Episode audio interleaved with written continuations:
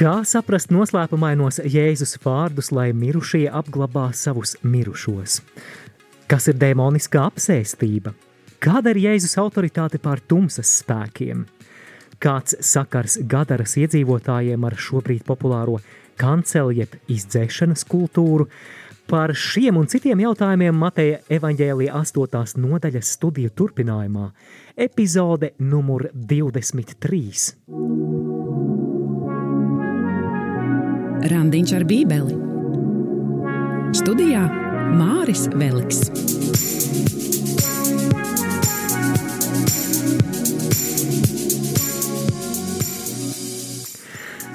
Lai ir slavēts Jēzus Kristus, sirsnīgs sveiciens visiem randiņu ar Bībeli draugiem! Raidījuma mērķis ir ne tikai palīdzēt labāk saprast svētos rakstus, bet pirmkārt arī iedrošināt uz privātiem randiņiem ar Bībeli. Un es ticu, ka svēto rakstu lasīšana ikdienā, pat ja tie ir tikai daži panti, kurus mēs pārdomājam, kurus mēs uzņemam sevī, ir atslēga uz lielāku kristīgo briedumu, uz dziļākām attiecībām ar Dievu, kurš uz mums runā caur savu iedvesmoto vārdu. Un uh, Raidījums Randiņš ar Bībeli nekādā ziņā nevar aizstāt tavu privāto laiku ar Bībeli vai ar mieram tuvu svēto rakstu fragmentiem, un gluži kā uztura bagātinātājs nevar aizstāt pilnīgu un sabalansētu uzturu. Man ir patiesa prieks par ikvienu klausītāja liecību, ka šis raidījums ir iedvesmojis lasīt Bībeli un Tiešām sirsnīga, sirsnīga pateicība visiem, kas esat dalījušies, jo jūsu liecības mani motivē šo raidījumu veidot. Es vēlos raidījuma ievadā nolasīt fragmentu no kādas klausītājas e-pasta vēstules šī raidījuma pasta kastē randiņš ar bībeli at gmail.com.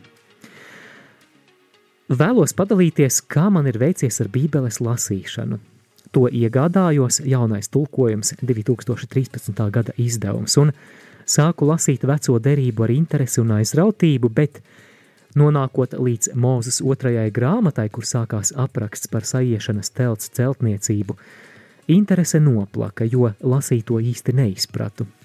Turpināju lasīt jauno derību, to esmu izlasījusi, bet arī te ne viss bija izprotams, tāpēc jūsu skaidrojumi Bībeles lasīšanā ir neatsverami.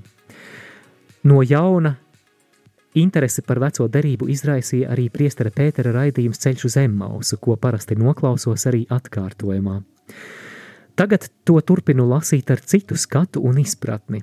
Bībeli lasu katru dienu, pagaidām tas izdodas. Vēlreiz, vēlreiz liels paldies par jūsu ieguldījumu mūsu izpratnes veidošanā. Paldies par šo liecību, un tālāk e-pastā arī klausītāji atsūtīja savu mājas darbu, proti bija izmēģinājusi vienu no sešām bībeles meditācijas metodēm, par kurām runāju aizpagājušajā raidījumā. Viņa atsūtīja skaistu parafrāzi par 121. psalmu, jeb šī psalma tekstu, kas ir izteikts viņas pašas vārdiem. Lielas paldies par to, ļoti skaisti. Un Jā, mīļo klausītāji, ja nedzirdēji randiņu ar bībeli aizpagājušo jeb 21. epizodi par šīm vienkāršajām un praktiskajām metodēm, kā meditēt ar svētajiem rakstiem, tad noteikti, noteikti noklausies arhīvā. Manuprāt, tas ir vispraktiskākais līdz šim raidījums, kurš runā par to, kā no bībeles lasīšanas gūt maksimālu labumu. Ja arī tu klausītāji vēlies dalīties, kā tev iet ar bībeles lasīšanu, tad droši iesaisties ēterā. Iesaisties ēterā, zvanot uz studijas tālruni 67 969 131 vai rakstot īsiņu uz numuru 266 77 272. Izmanto arī e-pasta iespēju Studija at rml.lv. Šodien turpinām studēt Mateja evaņģēlija 8. nodaļu, un mēs lasīsim no 18. panta līdz nodaļas beigām, proti līdz 34. pantam. Vispirms dzirdēsim par sekošanu Jēzum, tad stāstu par to, kā Jēzus aptur vētru, un noslēgumā arī divu apsēsto atbrīvošana. Ēterā šodien ne tikai es, Māris Veliks, bet kā Allaš, arī neklātienes dalībnieks būs Edmunds, kurš lasīs svētos rakstus, un Neklātienē raidījumā arī mana kolēģe Jolanta Grāvīte, kura uzdos jautājumus, jo šodienas tekstus pamēģināsim analizēt jautājumu un atbilžu formātā. Bet pirms mēs lasām šodienas fragmentu, lūksim Dievu. Dieva tēva un dēla un svētā gara vārdā Āmen. Nāc svētais gars un dari, lai šis raidījumā pavadītais laiks ikvienam no mums būtu pārdabisks laiks. Krīti pār mums svētais gars. Tēvs mūsu, kas esi debesīs, svētīts lai top tavs vārds, lai atnāk tava valstība. Tavs prāts, lai notiek kā debesīs, tā arī virs zemes. Mūsu dienascho maizi dod mums šodien, un piedod mums mūsu parādus, kā arī mēs piedodam saviem parādniekiem, un neieved mūsu kārdināšanā, bet atpestī mūs no ļaunā āmen. Svētais Matei lūdz par mums! Vēlēs labāk iepazīt svētos rakstus, bet nezini, ar ko sākt? Raidījums Randiņš ar Bībeli ir tava Bībeles studiju iespēja, dinamiska, mūsdienīga un baznīcai uzticīga. Studē Bībeles grāmatas kopā ar savedēju Māri Vēliku. Lasām mūsu šodienas fragmenta pirmo segmentu no 18. līdz 22. pantam par Jēzus sekotājiem un par sekošanu Jēzum. Edmund? Bet ļaužu pulka ap sevi redzēdams, Jēzus pavēlēja pārcelties uz otru krastu. Un pienāca viens rakstu mācītājs un sacīja viņam: Mācītājs, tev sekošu, lai kurp tu arī ietu. Un Jēzus saka viņam, lapsām ir alas un putniem ir apakš debesis slīgstas, bet cilvēka dēlam nav kur savu galvu nolikt. Bet kāds cits viņa no mācekļiem sacīja, kungs, atļauj man pirmāk iet un aprakt savu tēvu, bet Jēzus viņam saka, nāc līdzi un ļauj mirušiem aprakt savus mirušos. Ko īsti Jēzus vēlējās pateikt rakstu mācītājam, kurš pauda gatavību viņam sekot? Kā saprast Jēzus atbildi 20. pantā? Lapsām ir alas un debesu putniem ir ligzdas, bet cilvēka dēlam nav kur galvu nolikt. Jā, Jēzus pārbauda, cik patiesa un dziļa ir šī cilvēka gatavība sekot, jo galu galā sekošana Jēzum ir nērta. Jā. Viņš it kā jautā, vai tu to apzinies, vai tu esi gatavs maksāt to cenu par sekošanu Jēzum. Jo tādā tiešā nozīmē mēs zinām, ka Jēzus ir ceļā. Ir ceļa grūtības, ir karstums, ir slāpes, varbūt nav pat īsti zināms, kur vakarā nakšņošanas vieta kāda atradīsies, un māceklim ir ar to jārēķinās. Tādā plašākā nozīmē mēs varam runāt par visām grūtībām, kas ir saistītas ar sekošanu Jēzum. Atcerēsimies, ka Jēzus aicina sekot pa šauro ceļu, kas nav ērts. Mēs iepriekšējās Mateja evaņģēlija nodaļās arī lasījām par tām augstajām prasībām Jēzus mācekļiem. Un atzīsim, ka tā, tās ir cilvēciski grūtas. Bez dieva žēlastības tur nekā. Mēs dzirdējām, atgriezieties no grēkiem, ka ir jārēķinās ar vajāšanām tikai tādēļ, ka tu seko Jēzum. Esiet pilnīgi, kā debesu tēvs ir pilnīgs, arī aicinājums mīlēt ne tikai savus tuviniekus, bet arī ienaidniekus, un vai tas ir viegli? Nē, it nemaz, un lūk, ko nozīmē sekot cilvēka dēlam pat tad, ja nav kur galvu nolikt. Tādā alegoriskā, jeb pārnestā nozīmē. Tātad, vai tiešām tu esi gatavs rēķināties ar visām grūtībām? Un Vai uz to ir gatavs šis rakstu mācītājs, kurš uzrunā Jēzu un apgalvo, ka viņš nu gan sekos? Tekstā šeit ir kāda netik viegli pamanāma norāde, vai vispirms atcerēsimies, kā pagājušās nedēļas fragmentā Jēzu uzrunāja spitālīgais un centurions. Kirie, jeb kungs. Un kā Jēzu uzrunā šis rakstu mācītājs? Viņš saka, mācītāji, jeb skolotāji. Tuvākie mācekļi tā parasti nemēdza uzrunāt Jēzu. Vienīgais māceklis, kas Jēzu uzrunāja, mācītāji, izmantojot ebreju vārdu rabbi, bija neviens cits kā bēdīgi slavenais Jūdas Iskariots. Un šī uzruna liecina, ka savā šķietamajā gatavībā sekot Jēzum, šis cilvēks patiesībā nezina, ko runā. Parunāsim par otro kandidātu. Jēzus atbilda māceklim, kurš lūdza atļauju vispirms ieiet un apglabāt savu tēvu, šķiet visai skarba. Seko man un ļauj miroņiem apglabāt savus miroņus. Kas šeit ir domāts? Ir zināms, ka mirušo parasti apglabāja diennakts laikā. Un varētu jautāt, vai, vai tiešām Jēzum būtu iebildumi pret tik īsu mācekļa prombūtni, un galu galā apbedīt savu tēvu bija arī vecākā dēla pienākums, pat svēts pienākums. Bet mums, kas neesam pazīstami ar tuvo austrumu izteiksmes veidiem, var paslīdēt garām tas, ka teicienu apbedīt savu tēvu, kā šo teicienu saprata jūdi Jēzus laikā, un, un tā ir ideoma, jeb jeb tāds teiciens, kurš nav jāsaprot tiešā veidā, nav jāsaprot burtiski. Apbedīt tēvu nozīmēja pildīt savus dēla pienākumus, kamēr vien tēvs būs dzīvs. Tātad šeit runa bija nevis par diennakti prom no Jēzus, bet par sekošanas Jēzum atlikšanu uz nezināmu laiku, un mēs nezinām, cik tas tēvs ilgi dzīvot, un iespējams, ka tam māceklim tēva namā būtu jāpavada, nezinu, 5 vai 15 vai 27. Kas to lai zina, varbūt eh, pat, eh, ja tēvam laba veselība vēl vairāk gadu, un līdz tēvs nomirst, ja? Un Jēzus norāda, ka izvēle sekot viņam nevar gaidīt tik ilgi. Es tā domāju par šo arī, kā tas var attiekties uz mums, un man nāk prātā šāda domāšana. Nu, gan jau Dievs var pagaidīt. Kamēr jauns izpriecāšos par dzīvi, bet, kad eh, kļūšu vecs, nu tad nu gan sākšu domāt par garīgām lietām, iešu uz baznīcu, pieņemšu sakramentus, tad arī uz grēksūdzi beidzot aiz, aiziešu.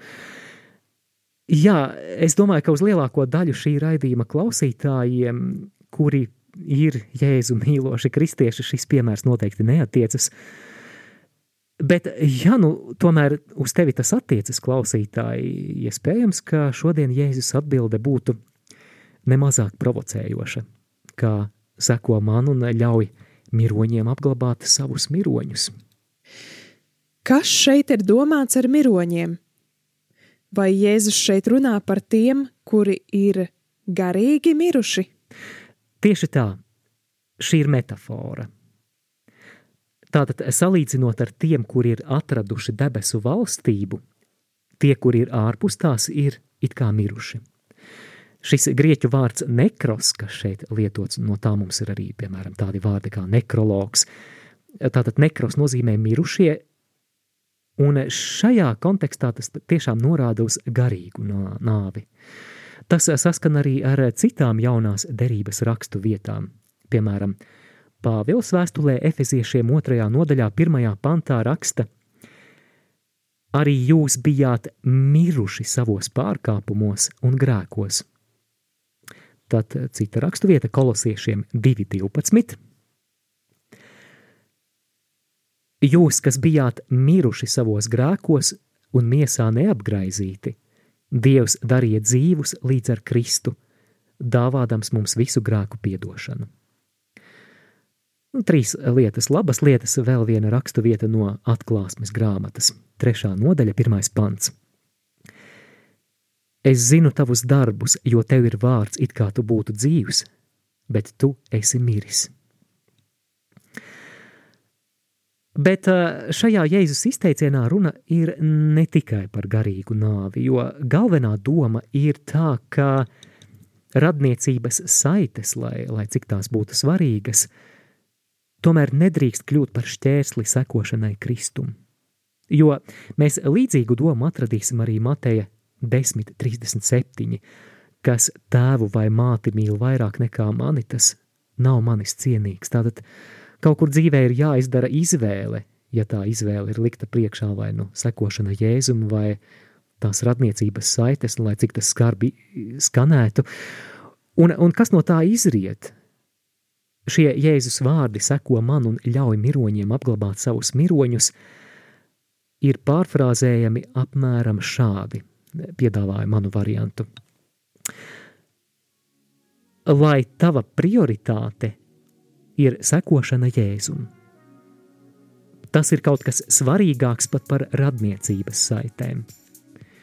Tie, kuri vēl ir garīgi miruši, paši tiks galā ar savām lietām.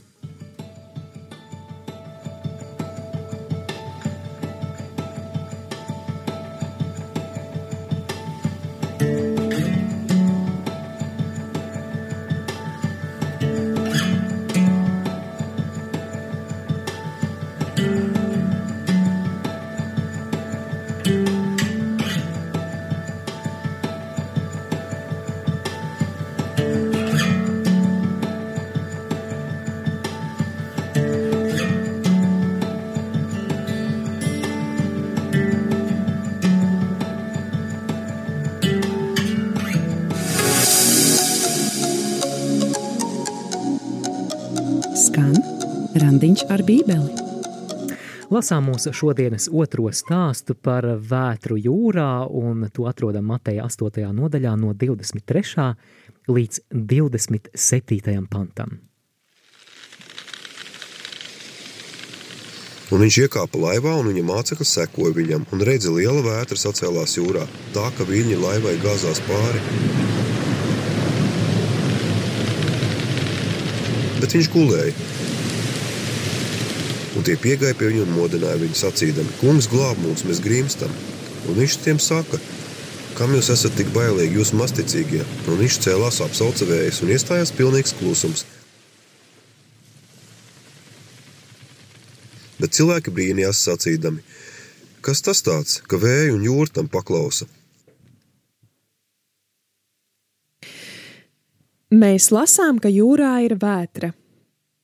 Jēzus laivā guļ, bet mācekļi ir nepajokam pārbijušies. Kad viņi pamodina Jēzu, izklausās, ka Jēzus viņus norāja. Kādēļ esat tik bailīgi, jūs masticīgie? Kur ir mācekļu galvenā problēma, ja jau viņi saņem šādus vārdus?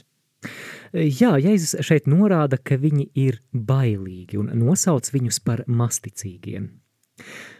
Atcerēsimies, kur iepriekš Mateja evaņģēlijā mēs dzirdējām, ka Jēzus lieto šo uzrunu masticīgie. Mateja 6.30 mēs lasām, ja nu Dievs pļavas zāli, kas šodien ir, bet rīt tiek iemesta krāsnī tā ģērbj, cik gan daudz vairāk jūs, jūs masticīgie. Šeit atkal šis grieķu vārds oligopistos, jeb masticīgie. Jā, atcerēsimies, ka Jēzus Mateja 6. nodaļā aicina uz paļāvību materiālās lietās. Neraizēties, ko ēdīsim, ko dzersim, ko vilksim mugurā, jo galu galā raizes ir bezjēdzīgas. Mēs par to runājām Randiņa ar Bībeli 17. epizodē. Tad nu arī šeit, šajā fragmentā par vētru, parādās šis paļāvības uz Dievu motīvs. Un, jā, mēs redzam, ka mācekļiem šīs paļāvības trūkst. Ja mācekļiem nav jāraizējas par izdzīvošanu, par ēdienu, par apģērbu, tad uz, uz līdzīgu paļāvību viņi ir, ir aicināti arī briesmu situācijā. Uzticies, ka Dievu neierobežo dabas spēki, kurus viņš pats ir radījis. Vai tu spēji ieraudzīt Dievu arī šeit, šajā vētras epicentrā? Tātad problēma, uz kuru šeit norāda Jēzus, ir paļāvības trūkums. Bet kas man patīk un man ir tiešām uzrunā, ka Jēzus ko dara? Jēzus laivā guļ. Tas ir tāds dziļš paļāvības simbols. Iedomājieties, ir, ir vētra, mācekļiem pat prātā nenāk, ka šādos apstākļos var gulēt, bet Jēzus čuč. Viņš ir tik lielas paļāvības pilns, ka spēj gulēt pat vētrā. Un tādējādi šī varētu būt tāda alegorija par dzīves vētrām. Tās ir bijušas un būs mūsu dzīvē, patīk mums vai nē, bet, bet ja mēs spējam paļauties, ka Dievs ir šeit, pat neraugoties uz to vētru ārpusē, arī mēs varam gulēt, proti saglabāt mieru, nekrist panikā, pat ja ārējie apstākļi ir grūti un būs grūti. Vēl jau vairāk zinot, ka Jēzus ir mūsu laivā. Vai ir vēl kas piebilstams par šo fragmentu? Jā, noteikti ir jāuzsver, ka šis ir stāsts par Jēzus autoritāti, ka viņam pieder vara. Pagājušajā, pagājušajā nedēļā mēs aplūkojām trīs dziedināšanas stāstus Mateja evaņģēlija 8. nodaļā, un tā galvenā vienojošā tēma bija, ka Jēzum ir autoritāte arī pār slimībām. Arī šis fragments ir par Jēzus autoritāti, un mēs redzam, ka viņam ir vara nevien pār slimībām, bet arī pār dabas procesiem. Kad Jēzus apsauc šo vētru un kad jūra patiešām kļūst rāma, visi vienkārši ir mēmi par notikušo. Kāpēc? Vai nojaut, kam vecajā derībā bija vara pār vējiem un viļņiem?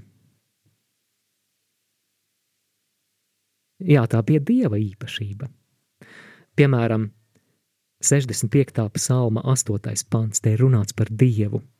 Tu apklusini krācošās jūras, to krācošos viļņus.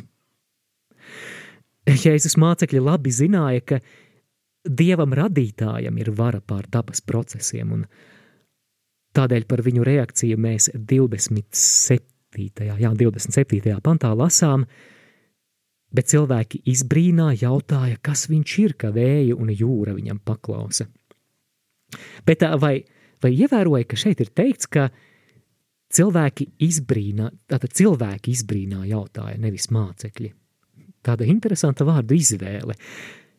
Ļoti, ļoti iespējams, ka šis vārds antropoja, jeb cilvēki, šeit ir lietots ļoti apzināti, proti, lai parādītu, ka Jēzus ir kas vairāk nekā vienkārši cilvēks.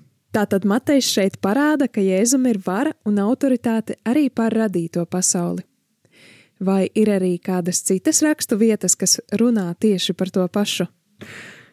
Jā, par to, ka Jēzum ir vara arī pār matēriju, mēs lasām, piemēram, maizes pavairošanas brīnumā. Par to būs vēl Mateja evaņģēlija 14. nodaļā. Atcerēsimies, ka Jēzus pārvērš ūdeni par vīnu, arī, piemēram, Jāņa otrā nodaļa, bet vēstules ebrejiem pirmās nodaļas trešajā pantā ir teikts, ka Jēzus visu nes ar savu spēka pilno vārdu. Tātad Jēzus vārdam ir tik liela autoritāte, tāds spēks, ka ar šo vārdu viņš, pats būdams Dieva vārds, uztur visu. Un eh, šeit vēlos arī izdarīt tādu liturģisku atkāpi par šo tēmu. Mēs eh, katoliskajā baznīcā ticam, ka Jēzus reālai klātbūtnei, mēs ticam Jēzus reālai klātbūtnei maizes un vīna zīmēs. Un mēs to saucam par vissvētāko sakramentu. Jautāsi, kāds tam sakars ar šo Jēzus autoritāti un ar Jēzus vārdu – Priesteris misas laikā darbojas Kristus personā, in persona Kristi, un tā ir Jēzus autoritāte, kurā viņš pasludina lūk mana miesa, lūk mana asinis. Un mēs ticam, ka tajā pašā Jēzus vārdā, kura priekšā vētras norimst, matērija pakļaujas, notiek arī brīnumaina pārvērtība, ka Euharistijā maize kļūst par viņa miesu, un vīns kļūst par viņa asinīm. Lai arī saglabājas šīs maizes un vīna ārējais veidols, tad Jēzus vārda autoritātei ir izmainījusies iekšējā būtība. Es minu to šeit tādēļ, ka arī šeit parādās Jēzus un viņa vārda autoritāte, spēja ar vārdu izmainīt realitāti. thank you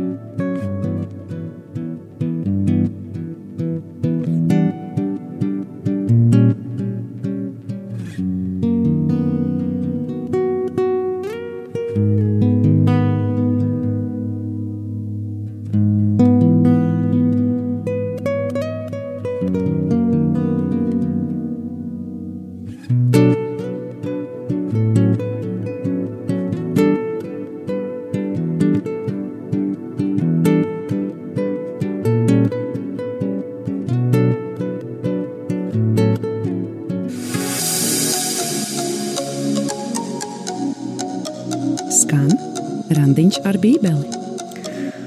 Lasām mūsu šodienas pēdējo stāstu. Jēzus atbrīvo divus apsēstos. Lasām Mateja 8. nodaļas fragmentu no 28. līdz 34. pantam. Edmund?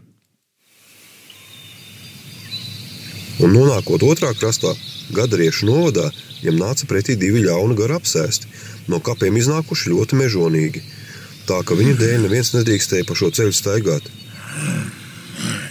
Un redzi, tie brēca un sacīja: Kas mums ar tevi, tu dieva dēls? Vai tu esi nācis priekšlaiks mūs mocīt? Bet tālu no viņiem ganījās liels cūkubars, un ļaunie gari lūdza viņu, sacīdami: Ja tu mūs izdzen, tad raidi mūs cūku barā. Un viņš tiem sacīja: Eita! Un tie izgāja, ieskrēja cūku barā un redzi. Viss bars nogāzās no kraujas jūrā un noslīd ūdenī. Bet gani bēga un pilsētā nonākuši tie izstāstīja visu, arī par notikušo ar abiem ļauna garā apsēstajiem. Un redzi, visa pilsēta aizgāja Jēzum pretī, un viņu redzēdami tie lūdza, lai tas aizietu no viņu robežām. Paldies! Jā, es atceros, kā svētās zemes apmeklējuma laikā man bija iespēja ar velosipēdu apbraukt apkārt Galilejas ezeram. Es izbraucu agri, agri no rīta vēl pirms pusdienlaikas vēlmes, un es atceros, kā šī ezera dienvidu austrumu krastā es atcerējos tieši par šeit aprakstīto notikumu, jo, jo šīs bija tās vietas, kur tas ir norisinājies. Tā ir tāda personiska atkāpe par šo, bet uh, par šo stāstu arī noteikti var rasties jautājumi, vai ne? Jēzus šeit atbrīvo divus apsēstos. Kas īsti ir apsēstība? Jā, svētie raksti un baznīca māca, ka ļaunie gari jeb dēmoni reāli pastāv kā garīgas būtnes. Un tie cilvēka dzīvi var ietekmēt dažādos veidos. Viselementārākais veids, protams, ir kārdināšana. Mēs zinām, kas tas ir. Bet var būt arī citi veidi. Dēmoni var uzbrukt cilvēkam arī no ārienes. Tā ir dēmoniskā uzmācība. Savukārt, stāvoklis, kurā ļaunais gars jau pārņem kontroli pār cilvēku no iekšienes, tiek saukts par apsēstību. Jā, baznīcas tēvi un teologi uzskata, ka ļaunais gars nevar pārņemt cilvēka dvēseli, un to ir svarīgi saprast, ka to cilvēka dvēseli un tās kodolu tur ļaunajam garam nav nekādas pieejas. Bet ļaunais gars var kontrolēt cilvēka ķermeni, pārņemt to. Un baznīcas liturģisko lūkšanu, kurā ļaunais gars tiek padzīts, sauc par eksorcismu. Un parasti, lai ievērotu tādu maksimālu piesardzību, to saskaņā ar katoliskās baznīcas kanoniskajām tiesībām, var veikt bīskaps vai bīskapa nozīmēts priesteris eksorcists. Tas attiecas uz tādiem ļoti smagiem apsēstības gadījumiem, bet ir jāzina arī, ka tādas, tādās, tādos vieglākos dēmoniskās ietekmes gadījumos ik viens ticīgais ir tiesīgs lūgt atbrīvošanas lūgšanu. Mums eh, Jēzus ir devis īpašu autoritāti – jums būs vara staigāt pār čūskām un skorpioniem. Vai tas, kas ir jūsos, tas ir spēcīgāks nekā tas, kas ir pasaulē, bet tomēr šeit arī būtu jāievēro piesardzība. Vai gadījumā šeit nav runa par kādu psihisku saslimšanu, piemēram, šizofrēniju? Jēzus laikā taču nebija tādu zināšanu par psihiatriju, kādas mums ir tagad. Tas tiesa, ka tajā laikā psihiatriskā diagnostika nebija attīstīta, kā, kāda tā ir tagad, bet tomēr atbilde uz šo tavu jautājumu ir nē. Šis nav teksts par psihisku saslimšanu. Runa tekstā ir nepārprotami par ļaunām, ar intelektu apveltītām garīgām būtnēm. Dēmoni šeit tiek padzīti, tie iemājo vēlāk cūkās, Bet, protams, protams, ka mūsdienās eksorcists ir aicināts izšķirt, un, ja nepieciešams, arī ar speciālista palīdzību, vai konkrētais gadījums nav psihiatrijas speciālista sfēra. Un ir noteikti veidi, kā ir iespējams noteikt, vai šeit ir kaut kas pārdabisks, un vai patiešām tā varētu būt apsēstība, bet tas, tas ir atsevišķs temats kādam citam raidījumam. Bet mēs redzam, ka šajā stāstā, kuru nu pat dzirdējām, šie apsēstie uzvedas mežonīgi, ekscentriski, un, un tas it nemaz nav tālu no eksorcistu un to cilvēku, kur ir piedalījušies eksorcismos pieredzes. Jā, tā ir realitāte, kura pastāv arī šodien. Bet es patiešām negribu šajā raidījumā uz to fokusēties. Es, es vēlos, lai šajā raidījumā atskan vēsts par Jēzus autoritāti pār ļaunajiem gariem. Slava Jēzum! Jēzus ir neizmērojami spēcīgāks, saki āmen, dargo klausītāji. Un viņš arī šajā stāstā, kā mēs dzirdējām un kā mēs par to vēl runāsim, nāk kā uzvarētājs. Kāpēc dēmoni vēlas, lai Jēzus viņiem liek ieiet cūku barā? Jā, interesanti, ka dēmoniem ir pārdabiskas zināšanas par to, kas Jēzus patiesībā ir. Viņi viņu nosauc kā par Dieva dēlu. Šajā posmā evaņģēlijā vēl neviens cilvēks nav uzdrošinājies Jēzu tā uzrunāt, bet ļaunie gari to labi zina, viņi zina, kas viņš ir. Un viņi ir pārbijušies ne pa jokam, ka Jēzus ir atnācis priekšlaicīgi viņus tiesāt. Šeit ir atsauce uz pēdējo tiesu, kurā tiks pasludināts spriedums arī pār sātanu un dēmoniem. Mēs par to varam lasīt gan Mateja 25, 41, arī atklāsmes 20, 10. Bet eh, dēmoni šeit saprot, ka viņu priekšā ir kāds ar autoritāti, kuras priekšā viņiem vienkārši būs jāatkāpjas. Variantu nav, viņi tiks izdzīti. Bet ievēro, kur dzīvo šie apsēstie cilvēki. Kapos.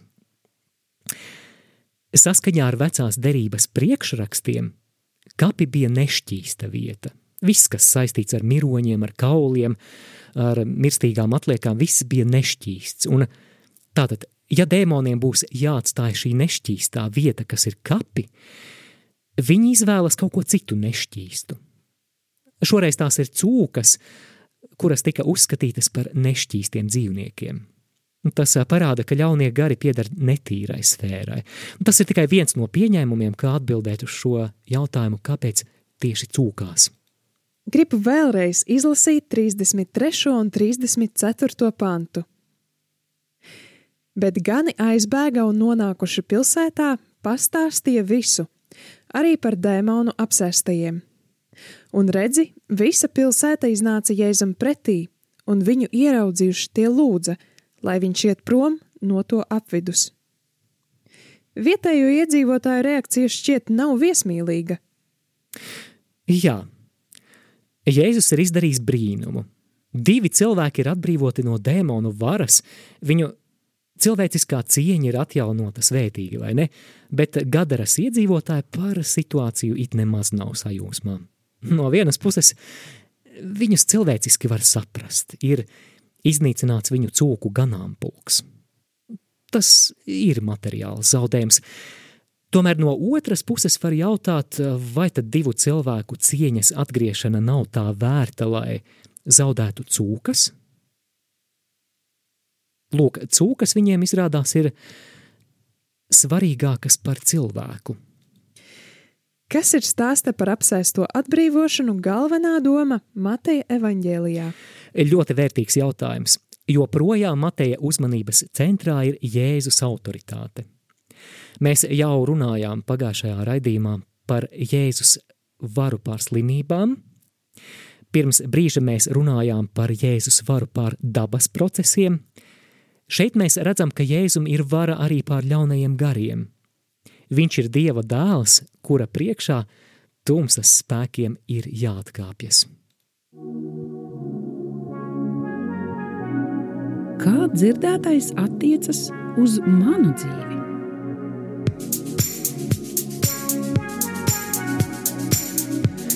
Dargo klausītāji, ja tev ir kas sakāms, tad raksti īsiņu uz numuru 266, 77, 272 Noteikti padalies, eh, ja tu lasi Bībeli, ja vēl neesi dalījies šajā raidījumā, iedrošini arī citus, bet eh, ķeramies klāt rubrikai, kā dzirdētais vārds attiecas uz mūsu dzīvi. Un es eh, šoreiz izcelšu tikai vienu ideju no šodien dzirdētām. Uz stāstu par to, ka Gadaras iedzīvotāji lūdz Jēzum aiziet no viņu teritorijas, es vēlos palūkoties kā uz tādu līdzību par mūsu pieradumu pie nesakārtotības. Centīšos paskaidrot. Gadarieši gadiem ilgi dzīvoja, zinot, ka turpat blakus kapos ir apsēstie, un nu, situācija ir jocīga, tumša vai ne? Bet varbūt pie tā var pierast kā pie normas. O jā, un kā vēl? Un tad atnāk tāds Jēzus un, un izjauc to ikdienišķo kārtību, pie kuras viņi bija pieraduši. Mm, tas nekas, ka šī kārtība pēdiņās patiesībā bija demoniska nekārtība. Un es pavisam īsti centīšos paust savu personisko viedokli par kādām pēdējā laika sabiedrības aktualitātēm, jo, manuprāt, šobrīd rietumu sabiedrība morāli ētiskos jautājumos cenšas veidot tādu savu kārtību, kas ne visos aspektos atbilst dieva kārtībai. Un eh, tiek arī reizēm pat uzspiesta vai pludināta vēsts, ka jums nu tas ir jāpieņem. Pierodiet pie tā. Un tāpēc nav brīnums, ka gluži kā gadarā Jēzus šeit eh, neiedarās šajā bildē, neiedarās šajā teritorijā, viņš kļūst nērts. Un pēdējā laikā sabiedrībā ir uzvirmojušas šīs diskusijas par tā saucamo kancelu, jeb dzēšanas kultūru. Ko tas nozīmē, varbūt tiem, kas nezina? Tas nozīmē tendenci izstumt no sociālās vai profesionālās vides tos, kuru viedoklis nesakrīt ar, ar mūsdienu tādu kreisi liberālo virzienu vai domu. Jeb vienkārši sakot, izdzēst kādu. Līdzīgi kā Jēzus, kurš gadariešu zemē ir nevēlams, nepieļaujams. Un, jā, pasaulē šobrīd ir ļoti, ļoti daudz piemēru, kas patiešām robežojas, manuprāt, jau ar, ar absurdu, bet Latvijā nesen šī kancela, jeb dzēšanas kultūras jautājums aktualizējās saistībā ar uzņēmējas un influenceres Elīnas Didriksones atbildi uz jautājumu par homoseksuālu attiecību legalizāciju. Un Viņa kā kristiete atbildēja uz šo jautājumu, ka viņa neatzīst vienzimuma laulības. Viņa raksties, tagad citēju fragmentu. Esmu kategoriski pret. Tā Dievs mūs nav radījis.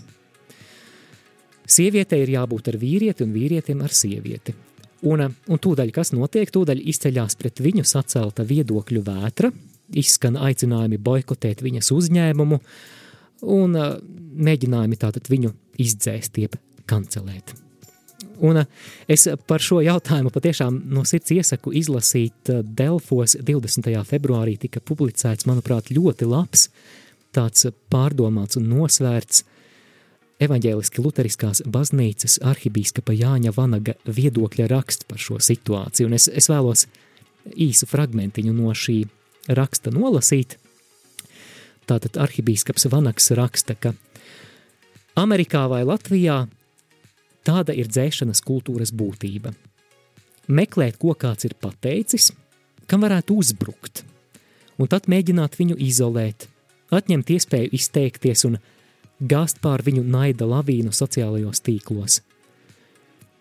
Izdarīt spiedienu uz upura biznesu vai darba devējiem, lai viņš zaudētu karjeru, iztiku un beigās sēdētu kā ieps uz savas dzīves drupām. Citāta beigas. Tā arhibīskaps Jānis Vanaks par šo situāciju.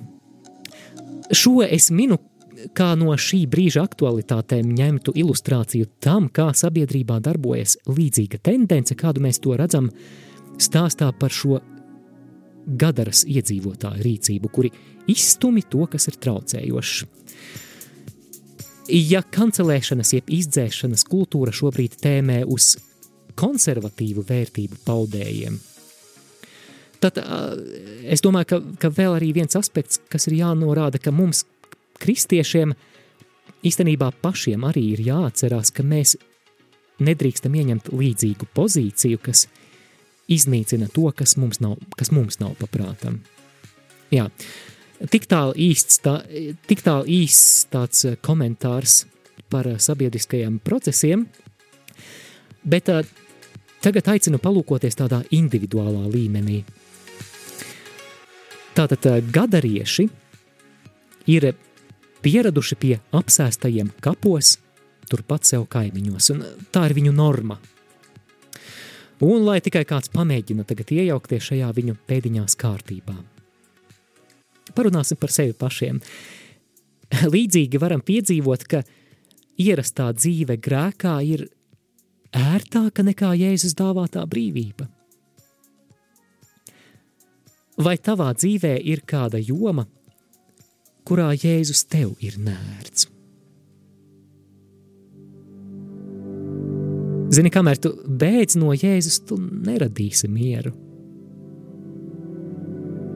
Ceļš uz mieru patiesībā ir nevis bēgt no Jēzus, bet pagriezties pretējā virzienā un skriet Jēzum pretī, mesties viņa drošajās rokās. Ja tas ir par tevi, lūdzu, klausītāji, kopā ar mani. Kungs Jēzu, dari mani brīvu. Es atdodu tev šo jomu. Tu zini, ka es netieku ar sevi galā. Tu esi kungs un glābējs. Es atdodu sevi visu un ielieku savu dzīvi tavās drošajās rokās. Āmen!